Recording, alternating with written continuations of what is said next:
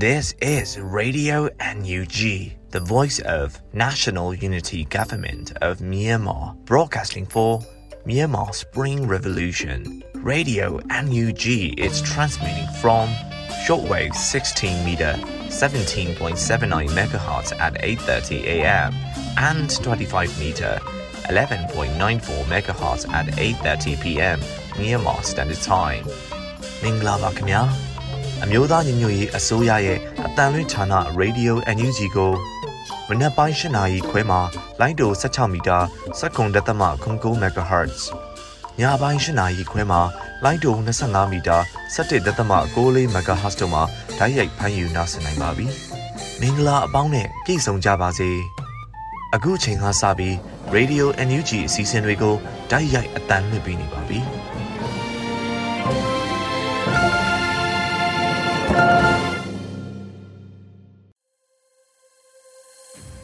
မြန်မာနိုင်ငံသူနိုင်ငံသားအပေါင်းတဘာဝဘေးစစ်အာဏာရှင်ဘေးတို့ကနေကင်းဝေးပြီးကိုယ်စိတ်နှပါဘေးကင်းလုံခြုံကြပါစေလို့ Radio NUG နဲ့အဖွဲ့သားတွေကဆုတောင်းမြတ်တာပို့သလာရပါတယ်ခင်ဗျာအခုချိန်အားစပြီးကာကွယ်ဝင်ကြီးဌာနရဲ့စီရေးသတင်းအချင်းချုပ်ကိုတော့ຫນွေဦးမိုးမှတင်ပြပေးသွားမှာပဲဖြစ်ပါတယ်ခင်ဗျာ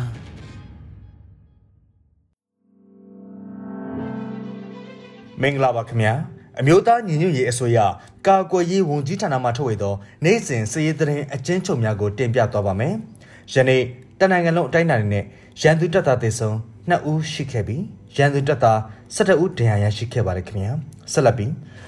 အာနာသိအကြမ်းဖက်စစ်တပ်နဲ့တိုက်ပွဲဖြစ်ပွားမှုများကိုတင်ပြသွားပါမယ်။ချင်းပြည်နယ်တွင်ဖေဖော်ဝါရီလ12ရက်နေ့ကပလဝမြို့နယ် စိုးနီကနောင်ကျေးရွာအနီးတွင်ခက်တတက်ချထားသည့်ရန်သူတပ်ဖွဲ့ဝင်80ဦးခန့်ကို CDF ပလဝနဲ့ CDF မာရာပူးပေါင်းတပ်ဖွဲ့များက45မိနစ်ကြာခြုံကိုတက်ခတ်ခဲ့ရာရန်သူတပ်သားအ ਨੇ ဆုံး10ဦးခန့်ထိခိုက်ဒဏ်ရာရရှိကာဒေသခံကာကွယ်ရေးတပ်ဖွဲ့ဝင်များအထိခိုက်မရှိပြန်လည်ဆုတ်ခွာနိုင်ခဲ့ကြောင်းသိရပါတယ်။မွန်ပြည်နယ်တွင်ဖေဖော်ဝါရီလ12ရက်နေ့မနက်9နာရီခန့်ကတထုံခရိုင်တထုံမြို့နယ်အတွင်းရှိရန်သူလက်အောက်ခံ ဝီယောစခန်းကို KNLA တပ်ရင်နှင့် PDF တက်ခွဲ1တက်ခွဲ3ပူးပေါင်းအဖွဲ့ကတွားရောက်တက်ခတ်ခဲ့ရာ15မိနစ်ကြော်ကြာအပြန်အလှန်ပစ်ခတ်မှုဖြစ်ပွားခဲ့ပြီးရန်သူတပ်သား2ဦးသေဆုံး၍တပ်ဦးဒဏ်ရာအပြင်းထန်ရရှိခဲ့ကတိုက်ပွဲအတွင်းရန်သူဘက်မှ60မမ80မမလက်နက်ကြီးများဖြင့်ပြန်လည်ပစ်ခတ်ခဲ့ကြောင်းသိရပါတယ်ခင်ဗျာဆက်လက်ပြီးအာနာသိန်းအကြမ်းဖက်စစ်တပ်ကကျွလွန်သောရာဇဝတ်မှုများကိုတင်ပြသွားပါမယ်။ ကရင်နီကရားပြည်နယ်တွင်ဖေဖော်ဝါရီလ12ရက်နေ့မနက်7:00နာရီခန့်ကလွိုင်ကော်မြို့နယ်ထီရိရွာအတွင်းတွင်ရန်သူတပ်ကပစ်လိုက်သည့်လက်နက်ကြီးပောက်ကွဲ၍ကြည်စထိမှန်မှုကြောင့်နှစ်နှစ်ခွဲအရွယ်ကလေးငယ်တူဒဏ်ရာရရှိခဲ့ကြောင်းသိရပါတယ်ခင်ဗျာ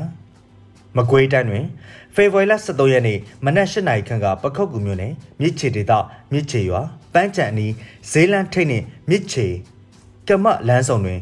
လမ်းသွားလမ်းလာစိုက်ကင်များကားများကို တားဆီးစစ်ဆေးမှုများပြုလုပ်ခဲ့ပြီးဒေသခံပြည်သူ၈ဦးခန့်ကိုအကြမ်းဖက်ဖမ်းဆီးခဲ့ကြောင်းသိရပါတယ်။ဖေဖော်ဝါရီလ23ရက်နေ့နေ့လယ်12နာရီခန့်ကရေစကြိုမြို့နယ်စံပြကျေးရွာသို့ရောက်ရှိနေသောရန်သူတပ်ဖွဲ့ဝင်အင်အားတရာခန့်ကစံပြကျေးရွာအတွင်းရှိပြည်သူ့ဘာနေအိမ်များကိုအကြမ်းဖက်မီးရှို့ခဲ့သောကြောင့်ပြည်သူ့ဘာနေအိမ်80နီးပါးမီးလောင်ပြာကျခဲ့ပြီးအနီးနားဝန်းကျင်တွင်ရှိသောတိန်တော်ညောင်နီပင်ညောင်လအန်ဂျီပေါတော်ကန်ကြီးစုစင်လန် မြို့ဆိုးနဲ့စံပြကြေးရွာများမှာဒေသခံပြည်သူတထောင်နီးပါးခန့်ဘေးလွတ်ရာသို့ထွက်ပြေးတိမ်းရှောင်ခဲ့ရကြောင်းသိရပါတယ်ခင်ဗျာရန်ကုန်တိုင်းတွင်ဖေဖော်ဝါရီလ12ရက်နေ့ည7:30နာရီ10မိနစ်ခန့်ကတန်လျင်မြို့နယ်ဗိုလ်ချုပ်ကျေးရွာပါရမီလမ်းရှိပြည်သူတအုပ်၏အိမ်ကိုရန်သူတပ်ကအိမ်စီးကား3စီးဖြင့်တွားရောက်ရှာဖွေခဲ့ကြောင်းသိရပါတယ်ခင်ဗျာတနင်္သာရီတိုင်းတွင်ဖေဖော်ဝါရီလ12ရက်နေ့မနက်9:30မိနစ်ခန့်မှ17:30မိနစ်အထိ ပလောမြို့နယ်ပလမြို့တိုရွာရှိပြည်သူနေအိမ်များကိုရန်သူတပ်ကတိုက်ပွဲဖြစ်ပွားခြင်းမရှိဘဲဇက်တိုက်မီးရှို့ခဲ့ပါတယ်ခင်ဗျာဟုတ်ကဲ့ပါအခုတင်ပြခဲ့တာကတော့အမျိုးသားညီညွတ်ရေးအစိုးရကာကွယ်ရေးဝန်ကြီးဌာနမှထုတ်ဝေသောနိုင်စဉ်စည်ရေးသတင်းအကျဉ်းချုပ်များပဲဖြစ်ပါတယ်ခင်ဗျာအေးသတင်းများကိုမြေပြင်သတင်းတာဝန်ခံတွေနဲ့ခိုင်လုံသောမိဖက်သတင်းရင်းမြစ်တွေမှာဖော်ပြလာသောအချက်အလက်များပေါ်အခြေခံပြုစုထားခြင်းဖြစ်ပါတယ်ခင်ဗျာကျွန်တော်ຫນွေဦးမိုးပါ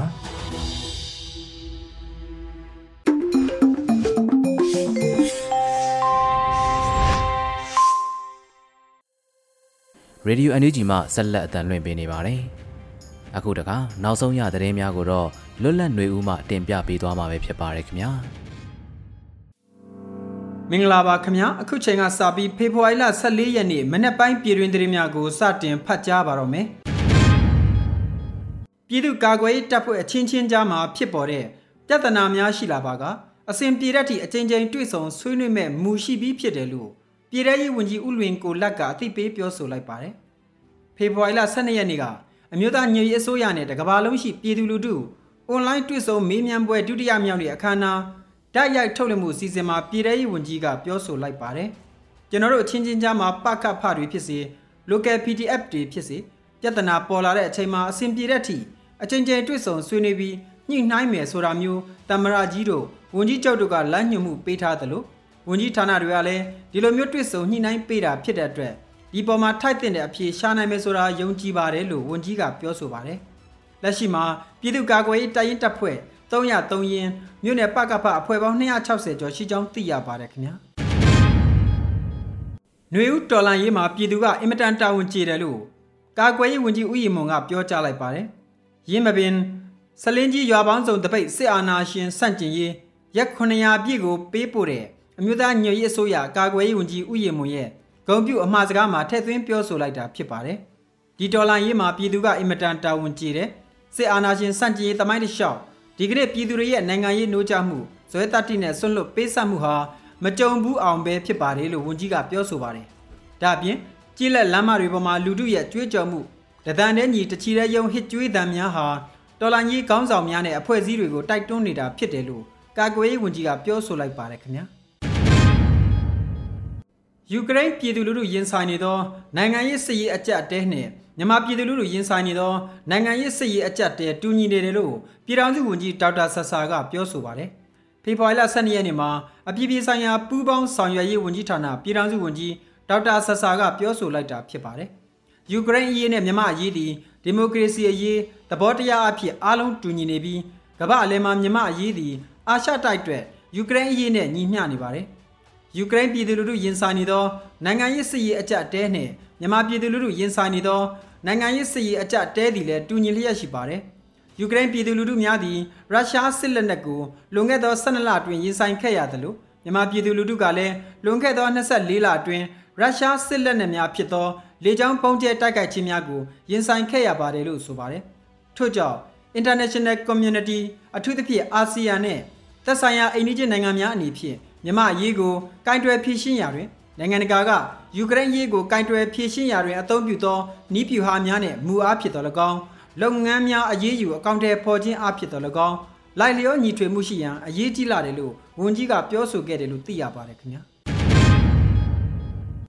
နိုင်ငံတော်အသစ်အတွက်စစ်ဘီရိုကရက်အုပ်ချုပ်ရေးစစ်တပ်လက်ဝါးကြီးအုပ်စီးပွားရေးများကိုဖြိုချရန်ပြည်ထောင်စုဝန်ကြီးဒေါက်ခင်မမမျိုးကပြောကြားခဲ့ပါတယ်ဖေဖော်ဝါရီလ12ရက်နေ့က အီတလီနိုင်ငံရောမမြို့တွင်ပင်လုံစာချုပ်ချုပ်ဆိုခြင်း86နှစ်မြောက်အထိတ်မှတွေ့ဆုံပွဲမှာဝန်ကြီးကပြောဆိုခဲ့တာဖြစ်ပါတယ်။အခမ်းအနားတွင်ပြည်ထောင်စုဝန်ကြီးမှပင်လုံစာချုပ်သမိုင်းဖြစ်ပေါ်လာပုံမြန်မာနိုင်ငံစစ်အုပ်ချုပ်ရေးရန်တရားအောက်ကြာရောက်ခြင်းတိုင်းရင်းသားတို့အခွင့်အရေးဆုံးရှုံးရခြင်းအကြောင်းအရာများကိုပြောကြားကာနိုင်ငံတော်သစ်အတွက်စစ်ဘီရိုကရက်အုပ်ချုပ်ရေးစစ်တပ်လက်ဝါးကြီးအုပ်စီးပွားရေးများကိုဖြိုချရန်နှင့်တာတူညီမျှခြင်းဒဏ်တူညီမျှခြင်းတို့ကိုအခြေခံသည့် ခိုင်မာသောဖက်ဒရယ်စနစ်ပေါ်ပေါက်လာရန်ကြိုးစားကြမည်ဖြစ်ကြောင်းပြောဆိုခဲ့ပါတယ်။အခမ်းအနားတက်ရောက်လာသူများမှပြည်သူ့ကာကွယ်ရေးတပ်မတော်တိုင်းရင်းသားများ၏ပါဝင်မှုများတော်လိုင်းရေးနဲ့ဖက်ဒရယ်ကန်ဒຫນွေဦးတော်လိုင်းရေးအခြေအနေများကိုမေးမြန်းခဲ့ကြပြီးဝန်ကြီးမှလက်ရှိနိုင်ငံရေးနဲ့တော်လိုင်းရေးအခြေအနေများလိုအပ်ချက်များလူငယ်များ၏အရေးပါသောအခမ်းကဏ္ဍအနာဂတ်အစီအစဉ်များကိုရှင်းလင်းတင်ပြခဲ့တယ်လို့သိရပါတယ်ခင်ဗျာ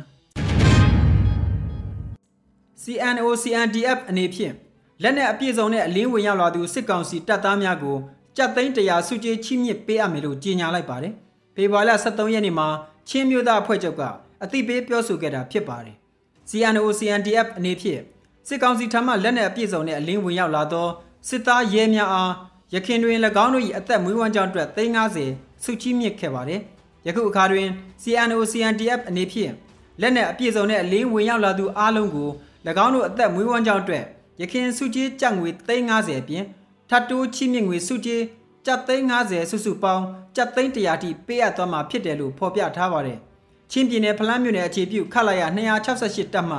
တပ်သားကောင်းမှုမှာအကြမ်းဖက်စစ်ကောင်စီလက်အောက်တွင်ဆက်လက်တာဝန်ထမ်းဆောင်လိုခြင်းမရှိတော့တာကြောင့်ပြည်သူနဲ့အတူပူးပေါင်းရန် CNO CNDF ထံသို့ဒီဇင်ဘာလ26ရက်နေ့2022ခုနှစ်တွင်လက်နက်အပြည့်စုံနဲ့အလင်းဝင်ရောက်ခဲ့ပြီး CNO CNDF မှ စုကြီးငွေချိမြင့်ကလွတ်မြောက်နေမြေသို့ပို့ဆောင်ပေးခဲ့တယ်လို့သိရပါတယ်ခင်ဗျာပြည်သူများຫນွေဦးတော်လိုင်းရေးကာလအတွင်းကြဆုံးခဲ့ရသူစုစုပေါင်းမှာ2988ဦးအထိရှိလာတယ်လို့သတင်းရရှိပါတယ်ဖေဖော်ဝါရီလ23ရက်နေ့မှာစစ်အာဏာသိမ်းပြီးနောက်လက်တလောဖြစ်ပေါ်လျက်ရှိသောအခြေအနေများနဲ့ပတ်သက်လို့ AAPP ကစည်ရင်းပြုစုဖော်ပြပါတယ်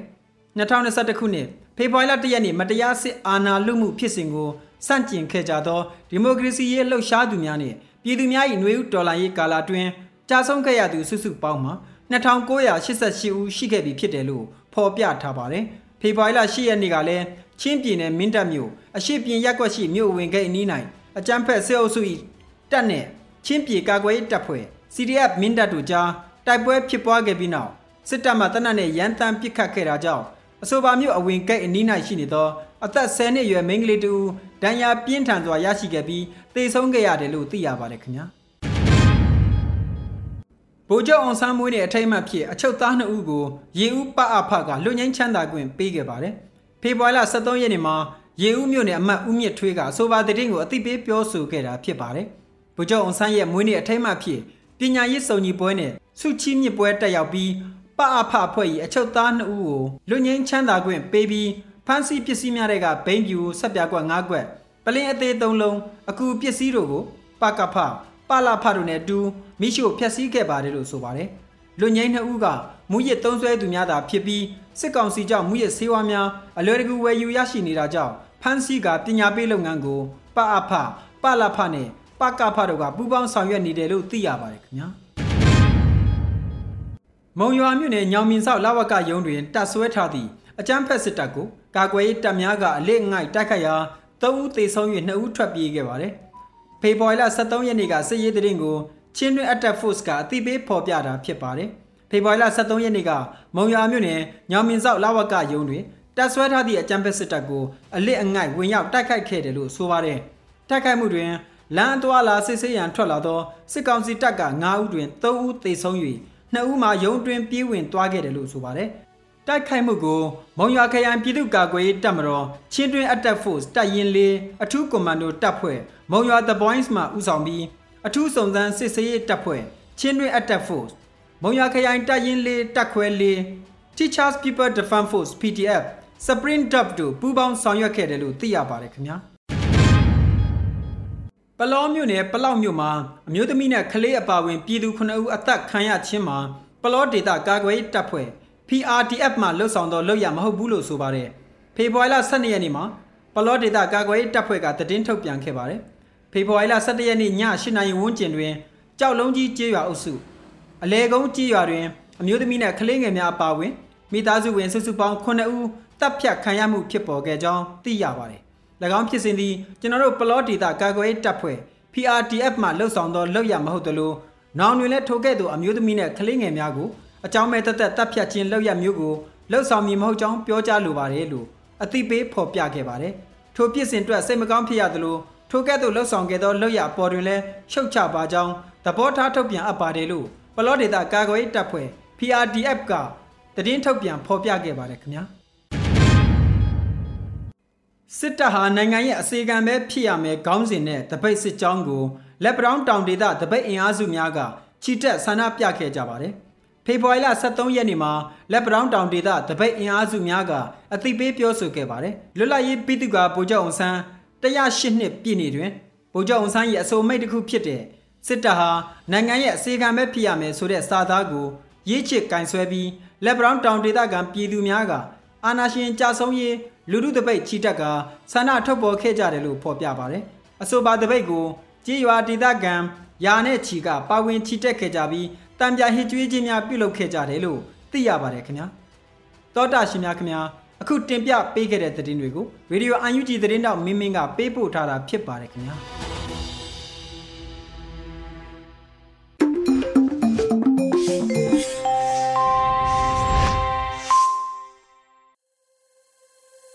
အခုဆက်လက်ပြီးနာတော်တာဆင်ကြရမှာကတော့လူခွင့်ရေးဆိုင်ရာဝန်ကြီးဌာနရဲ့လွတ်လပ်စွာယုံကြည်ကိုးကွယ်ခွင့်ခေါင်းစဉ်နဲ့ လူခွင့်ရေးစကားသံအစီအစဉ်ပဲဖြစ်ပါရခင်ဗျာ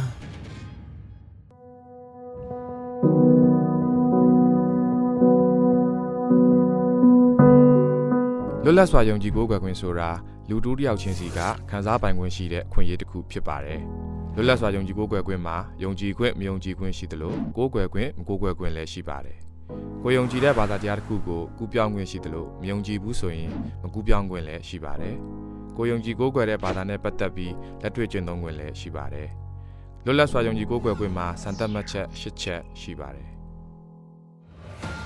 စံတမတ်ချက်တစ်မှာတော့အတွင်းပိုင်းလွတ်လပ်ခွင့်ဖြစ်ပါတယ်။အယူအဆတစ်ခုဘာသာအယူဝါဒတစ်ခုကိုလွတ်လွတ်လပ်လပ်ယုံကြည်ခွင့်မယုံကြည်ခွင့်ကိုယုံကြည်ရာဘာသာတရားကိုပြောင်းလဲကိုးကွယ်ခွင့်ရှိတာမယုံကြည်ရင်မပြောင်းလဲပဲနေပိုင်ခွင့်ရှိတာနဲ့ဘယ်ဘာသာကိုမှမယုံကြည်ရင်မကိုးကွယ်ပဲနေပိုင်ခွင့်တို့ပါဝင်ပါတယ်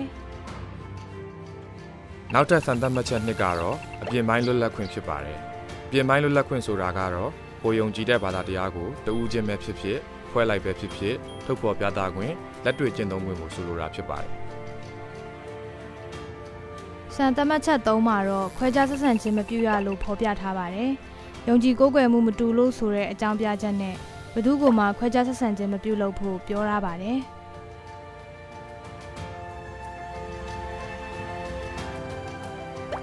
စံသတ်မှတ်ချက်လေးမှာတော့အတင်းကျပ်ပြုတာမျိုးမလုပ်ဖို့ဖော်ပြထားတာပါ။နောက်တစ်ခုကတော့တူတယောက်ကိုချင်းချောက်ပြီးတော့ပဲဖြစ်ဖြစ်အကြမ်းဖက်ပြီးတော့ပဲဖြစ်ဖြစ်ဥပဒေချမှတ်ပြီးတော့ပဲဖြစ်ဖြစ်အတင်းကျပ်ကိုးကွယ်ခိုင်းတာအတင်းကျပ်ထိမ့်သိမ်းခိုင်းတာဒါမှမဟုတ်ကူပြောင်းခိုင်းတာမျိုးကိုလုပ်လို့မရဘူးလို့စံသတ်မှတ်ချက်လေးမှာဖော်ပြထားပါတယ်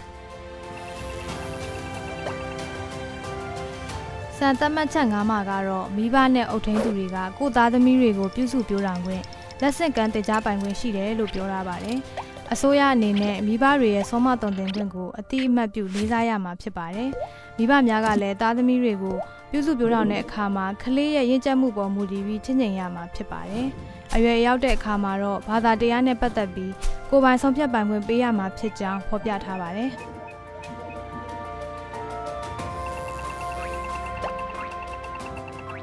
စံသတ်မှတ်ချက်6မှာတော့အစုအဖွဲ့လိုက်လွတ်လပ်ခြင်းနဲ့ဥပဒေအဆင့်တန်းရရှိပိုင်ခွင့်ရှိမယ်လို့ဖော်ပြထားပါတယ်။ဘယ်ဘာသာပဲဖြစ်ဖြစ်တရားဝင်သင်းဖွဲ့တစ်ခုဖြစ်တိမှတ်ပြုခွင့်ရရှိနိုင်ပြီးလွတ်လပ်စွာယုံကြည်ကိုးကွယ်ခွင့်တွေကိုကျင့်သုံးနိုင်ဖို့အတွက်ဥပဒေအကာအကွယ်ကိုလည်းရရှိပိုင်ခွင့်ရှိတယ်လို့ဆိုလိုတာဖြစ်ပါတယ်။စံတတ်မှတ်ချက်ခုနှစ်ကတော့ရုပ်သိမ်းလို့မရတဲ့အခွင့်အရေးဖြစ်ပါတယ်။ဘယ်အခြေအနေမျိုးမှာပဲဖြစ်ဖြစ် ကန့်သက်တာလစ်လူရှုတာမျိုးလုပ်လို့မရတဲ့အခွင့်အရေးတွေကိုရုပ်သိမ်းလို့မရတဲ့အခွင့်အရေးတွေဖြစ်တယ်လို့ဖော်ပြထားပါတယ်။လွတ်လပ်စွာယုံကြည်ခွင့်တွေကရုပ်သိမ်းလို့မရတဲ့အခွင့်အရေးတွေကတော့စံတတ်မှတ်ချက်1ဖြစ်တဲ့အတွင်းပိုင်းလွတ်လပ်ခွင့်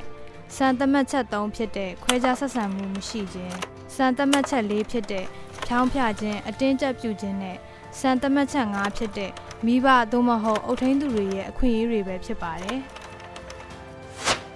စံသတ်မှတ်ချက်ရှင်းမှာတော့လွတ်လပ်စွာယုံကြည်ကိုးကွယ်ခွင့်ကိုကန့်သတ်လို့ရတဲ့အခြေအနေတွေကိုဖော်ပြထားပါတယ်။လွတ်လပ်စွာယုံကြည်ကိုးကွယ်ခွင့်ကိုကန့်သတ်နိုင်တဲ့အခြေအနေတွေကတော့ပြည်သူလူထုရဲ့လုံခြုံရေး၊တည်ငြိမ်ရေး၊ကျန်းမာရေးနဲ့အကျင့်စာရိတ္တကိုထိခိုက်နိုင်နေဆိုရင်ဥပဒေပြဋ္ဌာန်းပြီးတော့တရားဝင်ကန့်သတ်နိုင်ပါတယ်။ လွတ်လပ်စွာယုံကြည်ကိုးကွယ်ခွင့်ရဲ့စံတတ်မှတ်ချက်တွေကိုသိရှိပြီးတားဇာတာဖြစ်တဲ့လူမှုအတိုင်းအဝန်တစ်ခုရရှိဖို့ခြားသူတွေရဲ့လွတ်လပ်စွာယုံကြည်ကိုးကွယ်ခွင့်ကိုမချိုးဖောက်ကြဖို့နဲ့လေးစားလိုက်နာကြဖို့တိုက်တွန်းလိုက်ပါတယ်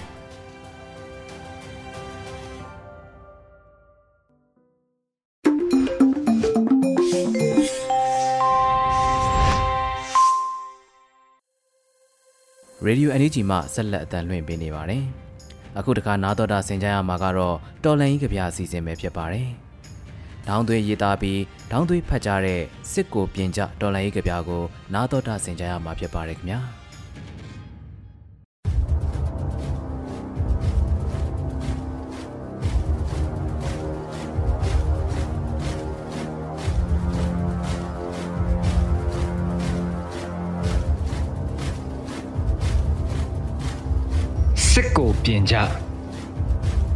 တယောက်တအားဖြစ်မှပျောက်ကြားစစ်ပြီးတမယ်စစ်မက်စစ်ရေးဟာအနှေးနဲ့အမြန်ငါတို့ထံရောက်လာတော့မယ်တနက်မရှိတာနဲ့ရက်ကြည့်နေတော့မလားမင်းရဲ့စိတ်အသက်ဟာမင်းရဲ့လက်နက်ပါပဲ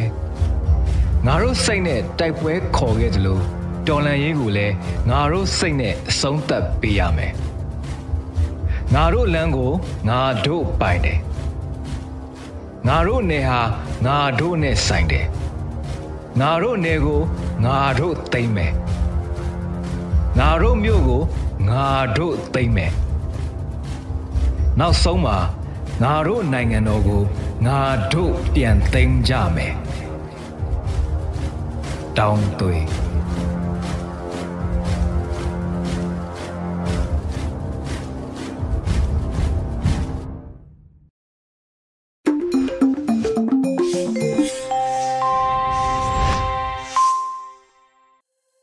ခုဆက်လက်ပြီးပြည်သူခုခံစစ်တရင်များကိုတော့ຫນွေဦးလင်းမှတင်ပြပေးသွားမှာပဲဖြစ်ပါတယ်ခင်ဗျာပထမဦးစွာရွှေဘုံမြို့ရှိစစ်ကောင်စီအမှတ်နဲ့ထောက်ပို့တပ်ကိုရှော့တိုက်တုံးသုံးလုံးဖြင့်ပြစ်ခတ်တိုက်ခတ်ခဲ့တဲ့သတင်းကိုတင်ဆက်မှာပါ။စကိုင်းတိုင်းရွှေဘုံမြို့နယ်စစ်ကောင်စီအမှတ်နဲ့ထောက်ပို့တပ်ကိုရှော့တိုက်တုံးသုံးလုံးဖြင့်ပြစ်ခတ်တိုက်ခတ်ခဲ့ကြောင်းလီလာဆက်ကြာ ရွှေဘူ PDF အဖွဲ့ထံမှသိရပါတယ်။ဖေဖော်ဝါရီလ17ရက်နေ့မွန်းလဲတနင်္လာမိနစ်30တွင်အကြမ်းဖက်စစ်တပ်၏အမှတ်နဲ့ထောက်ပို့တပ်ကိုနေလာဆက်ကြာရွှေဘူ PDF အဖွဲ့ကရှော့တိုက်တုံးသုံးလုံးဖြင့်ပြစ်ခတ်တိုက်ခိုက်ခဲ့ပြီးစစ်သားများထိခိုက်ဒေဆုံးမှုအခြေအနေကိုအတိမပြုနိုင်သေးဘူးလို့ဆိုပါတယ်။ဆလတ်တင်ဆက်မှာကတော့ချင်းပြည်နယ်တွင်ဖေဖော်ဝါရီလ12ရက်တာကာလတိုက်ပွဲများအတွင်းစစ်သား45ဦးသေဆုံးပြီးတနက်90ကျော်တိမ်းစီရရှိတဲ့တဲ့မှာ ချင်းပြည်နယ်မတူပီမြို့နယ်ထန်တလန်မြို့နယ်ရှိ CNA တပ်မဟာ3ခုတွင်ဖေဖော်ဝါရီလ1ရက်နေ့မှ17ရက်နေ့အထိအကြမ်းဖက်စစ်ကောင်စီတပ်နှင့် CND CDF ပူးပေါင်းတပ်ဖွဲ့ကြားတိုက်ပွဲပြင်းထန်ခဲ့ပြီးအကြမ်းဖက်စစ်သား45ဦးထပ်မံတေဆုံးပြီး22ဦးကျော်ဒဏ်ရာရရှိကာတနက်အလက်90ကျော်တင်စီရရှိခဲ့ကြောင်း Chin Nation Force ထံမှသိရပါတယ်။ဖေဖော်ဝါရီလ4ရက်နေ့တွင် CNA တပ်မဟာ1နယ်မြေတွင်ရှိမတူပီမြို့နယ်နှင့်ရီဇွမ်မြို့ကြားဇုံတောင်ဒေသသို့အကြမ်းဖက်စစ်သားအင်အား130မှ150ကြားဖြင့်စစ်ကြောင်းထိုးဝင်ရောက်လာရာ CNA CDF မတူပီ CDF ဇုံတောင် CDF မရာပူးပေါင်းတပ်ဖွဲ့များက6ရက်တိုင်တိုင်အပြင်းထန်ခုခံတိုက်ခိုက်ခဲ့ရာအကြမ်းဖက်စစ်သား40ဦးထပ်မံတေဆုံးပြီး20ကျော်ဒဏ်ရာရရှိခဲ့ကြောင်းဖေဖော်ဝါရီလ1ရက်နေ့တွင် CNA တပ်မဟာ3နယ်မြေတွင် ထန်တလန်မြို့ရှိအကြမ်းဖက်စစ်သားရဲ6ဦးကိုလက်နက်များနဲ့အတူအရှင်ဖမ်းမိခဲ့သည့်အပြင်ဖေဖော်ဝါရီလ10ရက်နေ့တွင်လည်းအကြမ်းဖက်စစ်တပ်မှခြေကုပ်ယူထားသောရဲစခန်းနှင့်ထွေအုပ်ရုံးများကိုလည်းတိုက်ခိုက်သိမ်းပိုက်နိုင်ခဲ့ကြောင်းဖေဖော်ဝါရီလ4ရက်နေ့ CNA တပ်မဟာနယ်မြေ၄အတွင်း၌ CNA နှင့် CDF ဟွန်အင်ဂေါရမ်ရဲဘော်များကရိတ်ခါတည်ယူနေစဉ်အကြမ်းဖက်စစ်ကောင်စီလက်ပါစီဇာရီတပ်ဖွဲ့ကလျမ်ချွန်းချီရွာအနီး ခြုံခိုတိုက်ခတ်ခဲ့ရာအပြန်အလှန်တိုက်ပွဲဖြစ်ပွားပြီးဇာရီရဲဘော်တအူသေဆုံးကတအူဒဏ်ရာရရှိခဲ့ကြောင်းအဆိုပါတိုက်ပွဲအတွင်းအကြမ်းဖက်စစ်သား45ဦးထံမှသေဆုံးက22ဦးကျော်ဒဏ်ရာရရှိခဲ့ပြီးတနက်အလက်90ကျော်သိမ်းပိုက်နိုင်ခဲ့ကြောင်း CNA ရဲဘော်3ဦးကြာဆုံးခဲ့ပြီး2ဦးဒဏ်ရာရရှိခဲ့ကြောင်းဖေဖော်ဝါရီလ1ရက်နေ့မှ12ရက်နေ့အထိအကြမ်းဖက်စစ်တပ်မှတိုက်လျင်စစ်ရဟန်းများဖြင့်အ ਨੇ ဆုံး10ကြိမ်ဘုံကျဲတိုက်ခတ်ခဲ့ပြီး ဟာခါမြို့ဗျူဟာကုန်းမှလည်းထန်တလန်မြို့ဘက်သို့လက်နက်ကြီးများဖြင့်ဆက်လက်ပစ်ခတ်ခဲ့ကြောင်းသိရပါတယ်။နောက်ဆုံးအနေနဲ့ခင်ဦးမြို့ပေါ်မှာတပ်ဆွဲထားတဲ့စစ်တပ်ကို drone ဖြင့်ပုံကျဲတိုက်ခိုက်တဲ့သတင်းကိုဆက်လက်တင်ဆက်ပါပါ။စကိုင်းတိုင်းခင်ဦးမြို့နယ်မြို့ပေါ်ရှိမင်းတိုက်တိုက်တွင်တပ်ဆွဲထားသောစစ်တပ်ကို drone ဖြင့်ပုံကျဲတိုက်ခိုက်ရာစစ်သား2ဦးသေဆုံးကြောင်း Royal Tiger Guerrilla Force အဖွဲ့ကထုတ်ပြန်ပါတယ်။ February 12ရက်နေ့ညနေ3:00နာရီအချိန် drone ဖြင့်ပုံကျဲတိုက်ခိုက်ခြင်းဖြစ်ပြီးစစ်သားတချို့ရှိနေသောဗန်ကာတွင်းသို့ drone ဘုံများကျရောက်သဖြင့်စစ်သား2ဦးပွဲချင်းပြီးသေဆုံးကြောင်းသိရပါတယ်ခင်ဗျာ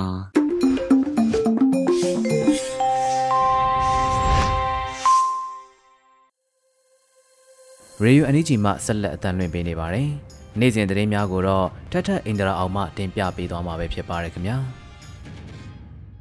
အခုချိန်ကစပြီး PPTV သတင်းတွေကိုတင်ဆက်ပေးတော့မှာပါကျွန်မထထအိန္ဒရာအောင်ပါပထမဆုံးတင်ဆက်ပေးမှာကတော့ဂျာကာလာဒေသန္တရပြည်သူ့အုပ်ချုပ်ရေးဖော်ဆောင်မှုဗဟိုကော်မတီနဲ့ပြည်သူ့အုပ်ချုပ်ရေးအဖွဲ့များတွေ့ဆုံတဲ့တဲ့တင်မှာ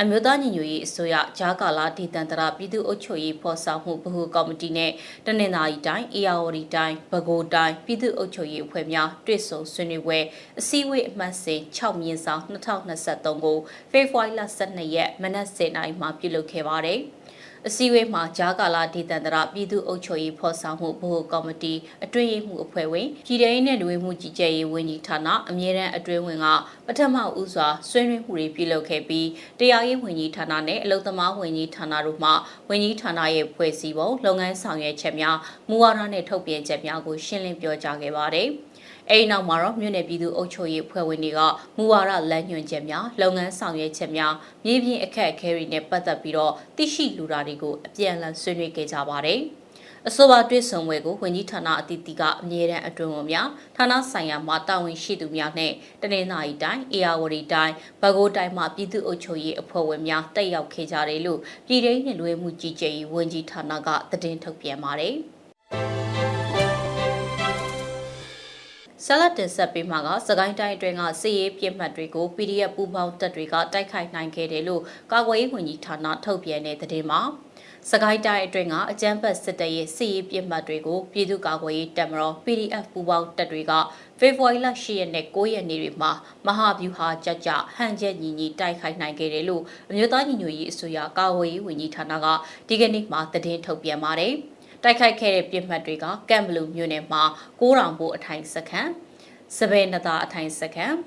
စိန်နာကျေးရွာပြူစောတိအထိုင်စခန်းကောလင်းမြို့နယ်မှာကောလင်းမြို့နယ်အထွေထွေအုပ်ချုပ်ရေးမှူးရုံးရှိရန်သူတပ်များဒဇယ်မြို့နယ်မှာအင်ကုတ်ကကျေးရွာပြူစောတိအထိုင်စခန်းမုံရမြို့နယ်မှာကြောက်ကြီးတောင်တာဝါရိုင်အထိုင်စခန်းဘော်ဒီတထောင်ရုပ်မြင်တန်ကြားအတန်လွှင့်ရောအနောက်မြောက်တိုင်းစစ်ဌာနချုပ်ခေဦးမြို့နယ်မှာမဒေါင်းလှပြူစောတိစခန်း ရင်းမပင်မြို့နယ်မှာရင်းမပင်ရဲစခန်းပလဲမြို့နယ်မှာပလဲရဲစခန်းအင်မတီပြူစောတီစခန်းဇီးပြူကုန်းပြူစောတီစခန်းကန်တောက်ရဲစခန်းမြောင်မြို့နယ်မှာကြောက်ရည်ရဲစခန်းရွှေဘုံမြို့နယ်မှာပန်းလိုင်ကျေးရွာပြူစောတီအထိုင်စခန်းတို့ဖြစ်ပါတယ်။ တိုက်ပွဲတွေအတွင်းရန်သူတပ်သား44ဦးသေဆုံးခဲ့ပြီးတော့10ဦးထိခိုက်ဒဏ်ရာရရှိကပြည်သူ့ကာကွယ်ရေးရဲဘော်2ဦးကြာဆုံးခဲ့ပြီး73ဦးထိခိုက်ဒဏ်ရာရရှိခဲ့တဲ့ဆိုတာနဲ့ရန်သူတပ်ထံမှလက်နက်ငယ်များကြီးစံများနဲ့စစ်အုံဆောင်ပစ္စည်းများသိမ်းဆည်းရမိခဲ့တယ်လို့ကာကွယ်ရေးဝန်ကြီးဌာနကထုတ်ပြန်ပါတယ်။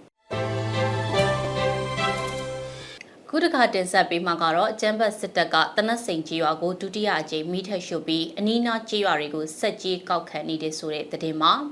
စကိုင်းတိုင်းခင်ဦးမြို့နယ်တနက်စိန်ကြီးရွာကိုစစ်ကောင်စီကဖေဖော်ဝါရီလ17ရက်မှဒုတိယအကြိမ်ဝင်ရောက်မိရှုနေတဲ့အတွက်ဒေသခံပြည်သူတွေဘေးလွတ်ရာကိုထွက်ပြေးတိမ်းရှောင်နေရပါတယ်။တနစိန်ကျေးရွာကိုအကြမ်းဖက်စစ်တပ်က2022ခုနှစ်နိုဝင်ဘာ20ရက်နေ့က AG 120ကျော်ရွာလုံးကျွတ်နီးပါးမိရှုခဲ့ပြီးတော့ မနေ့ကဒုတိယအကြိမ်မိဘသစ်စစ်ဘေးရှောင်တဲတွေကိုပါမကြမ်းထပ်မံမိရှုခဲ့တာဖြစ်တယ်လို့ဒေသကာကွယ်ရေးအဖွဲ့တာဝန်ရှိသူတအူးကပြောပါတယ်။အဲ့ဒီပြူစောတီနဲ့အကြမ်းဖက်စစ်တပ်ကအင်ဂျင်မင်ဝေဘူးစီယာတော်ဖျားကြီးကျောင်းကိုဝင်ပြီးတော့အင်ဂျင်မင်နဲ့ဖန်ကားကုန်းကြီးရွာမှာတအိမ်တယောက်အစည်းအဝေးတက်ရမယ်လို့ခေါ်ပါတယ်။မတက်တဲ့အိမ်မိရှုမယ်လို့ချိန်ချောက်ခေါ်ကြောင်းအင်ဂျင်မင်ကြီးရွာပြည်သူတအူးကပြောပါတယ်။ အစည်းအဝေးတက်လာသူတွေကိုစံစီနဲ့မြေပဲများချိန်ချောက်တောင်းယူပြီးအင်ဂျင်ပင်နဲ့ဖန်ခါကုန်းရွာတွေကိုမိမရှို့ဘူးဆိုတာနဲ့စောကြီးနဲ့တနတ်စိန်ရွာကအနီတွေများလို့ရှို့တာ PDF တွေလာရင်သတင်းပေးကြဖို့ပြောပြီးကားတွေနဲ့စက်ကြီးကောက်ထားတဲ့ပစ္စည်းတွေတင်ပြီးတော့တည်သွားတယ်လို့သိရပါတယ်။ ခင်ဦးမြို့နယ်တွင်အကြမ်းဖက်စစ်တပ်က